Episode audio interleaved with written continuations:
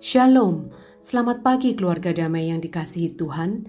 Sapaan damai sejahtera pada hari ini 11 Oktober 2021 terambil dari Matius pasal 6 ayat 25 sampai 33 dengan tema kekhawatiran. Sobat Samas, perikop ini sangat terkenal. Kita mungkin sudah membacanya berkali-kali, yaitu khotbah Yesus yang mengatakan bahwa janganlah kita khawatir atau cemas tetapi apa itu khawatir? Khawatir terhadap apa dan bagaimana kita mengatasinya? Sebelum kita membahas dan merenungkan firman Tuhan, mari kita berdoa terlebih dahulu. Ya Bapa yang baik, kami mohon penerangan dan pemahaman darimu agar firman-Mu dapat kami mengerti dan kami pahami dengan benar. Tolong kami yang terbatas ini ya Tuhan. Di dalam nama Tuhan Yesus kami berdoa. Amin. Kuatir atau khawatir, di mana kata yang benar sebenarnya adalah khawatir, yang artinya takut, gelisah, cemas terhadap suatu hal yang belum diketahui dengan pasti. Bacaan kita dimulai pada ayat 25, tetapi untuk lebih memahami, sebaiknya kita mulai dari ayat 24 yang demikian bunyinya. Tak seorang pun dapat mengabdi kepada dua tuan, karena jika demikian, ia akan membenci yang seorang dan mengasihi yang lain, atau ia akan setia kepada yang seorang dan tidak mengindahkan yang lain. Kamu tidak dapat mengabdi kepada Allah dan kepada Mamon. Arti kata Mamon adalah kekayaan atau keuntungan atau harta duniawi. Mamon yang Kristus maksudkan dalam ayat ini adalah keinginan yang tamak yang menuntut seluruh hati manusia, dan dengan demikian mengasingkan orang tersebut dari Allah. Jika seseorang hanya memikirkan uang atau harta, maka ia akan mengesampingkan Tuhan. Tuhan tidak penting. Sebaliknya, jika seseorang mengutamakan Tuhan dalam hidupnya, maka uang atau harta tidaklah terlalu penting. Artinya, bukan berarti jika kita mengutamakan Tuhan, kita tidak bekerja, duduk berdoa sepanjang hari, dan beriman bahwa semua kebutuhan akan terpenuhi dengan sendirinya. Tidak seperti itu. Kita tetap harus bekerja mencari nafkah, tetapi di dalam kita bekerja, kita tetap berada di dalam aturan main dan hukum Tuhan.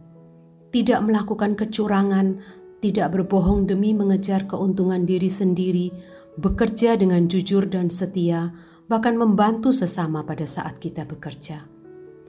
Karena kita tidak bisa menyembah Allah dan kepada Mamon, ayat 25 mengatakan demikian yang akan saya bacakan sampai ayat 32. Karena itu aku berkata kepadamu, jangankah janganlah khawatir akan hidupmu, akan apa yang hendak kamu makan atau minum, dan janganlah khawatir pula akan tubuhmu, akan apa yang hendak kamu pakai. Bukankah hidup itu lebih penting daripada makanan, dan tubuh itu lebih penting daripada pakaian? Pandanglah burung-burung di langit yang tidak menabur dan tidak menuai, dan tidak mengumpulkan bekal dalam lumbung, namun diberi makan oleh Bapamu yang di sorga. Bukankah kamu jauh melebihi burung-burung itu? Siapakah di antara kamu yang karena kekhawatirannya dapat menambahkan sehasta saja pada jalan hidupnya? Dan mengapa kamu khawatir akan pakaian? Perhatikanlah bunga bakung di ladang yang tumbuh tanpa bekerja dan tanpa memintal namun aku berkata kepadamu, Salomo dalam segala kemegahannya pun tidak berpakaian seindah salah satu dari bunga itu. Jadi jika demikian Allah mendandani rumput di ladang yang hari ini ada dan besok dibuang ke dalam api, tidakkah ia akan terlebih lagi mendandani kamu, hai orang yang kurang percaya? Sebab itu janganlah kamu khawatir dan berkata, apakah yang akan kami makan?' Apakah yang akan kami minum? Apakah yang akan kami pakai? Semua itu dicari bangsa-bangsa yang tidak mengenal Allah. Akan tetapi Bapamu yang di sorga tahu bahwa kamu memerlukan semuanya itu. Di ayat 31 di atas, Tuhan Yesus mengatakan supaya kita tidak usah khawatir akan kebutuhan-kebutuhan pokok jasmani kita, seperti makanan, minuman, dan pakaian pada ayat 26 tertulis, Bukankah kamu jauh melebihi burung-burung itu? Dan pada ayat 30 juga tertulis, Tidakkah ia, maksudnya Tuhan, akan terlebih lagi mendandani kamu? Dari kedua ayat tersebut, Tuhan mau menunjukkan bahwa kita jauh lebih tinggi daripada burung-burung dan bunga-bunga di padang, dan betapa sebenarnya Tuhan sangat mengasihi kita dan pasti akan mencukupkan segala sesuatu yang kita butuhkan dapat disimpulkan dari keseluruhan ayat yang kita baca, ada dua hal yang hendak Tuhan ajarkan pada kita.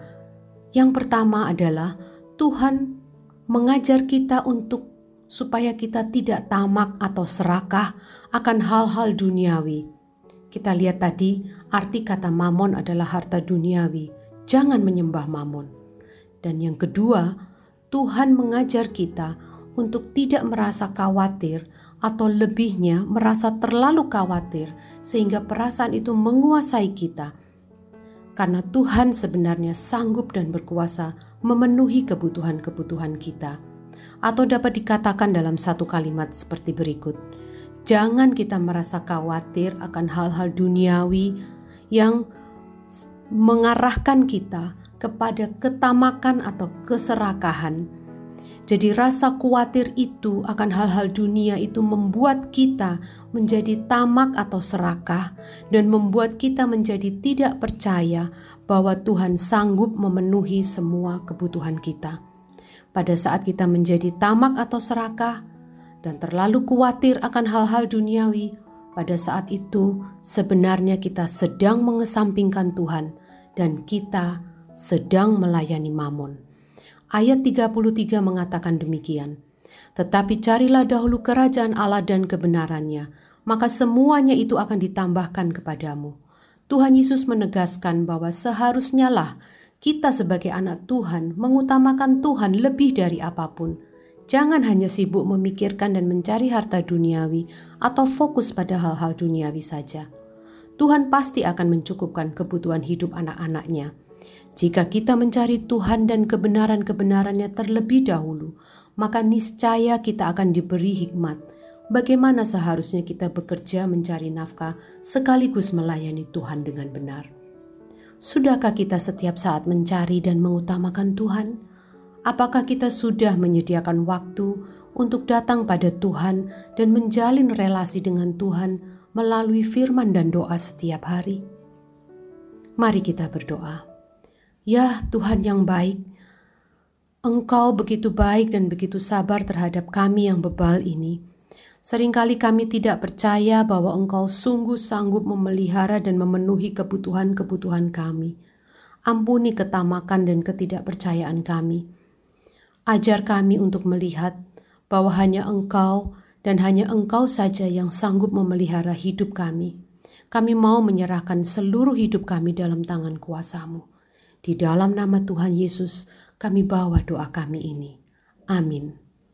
Tuhan Yesus memberkati kita semua.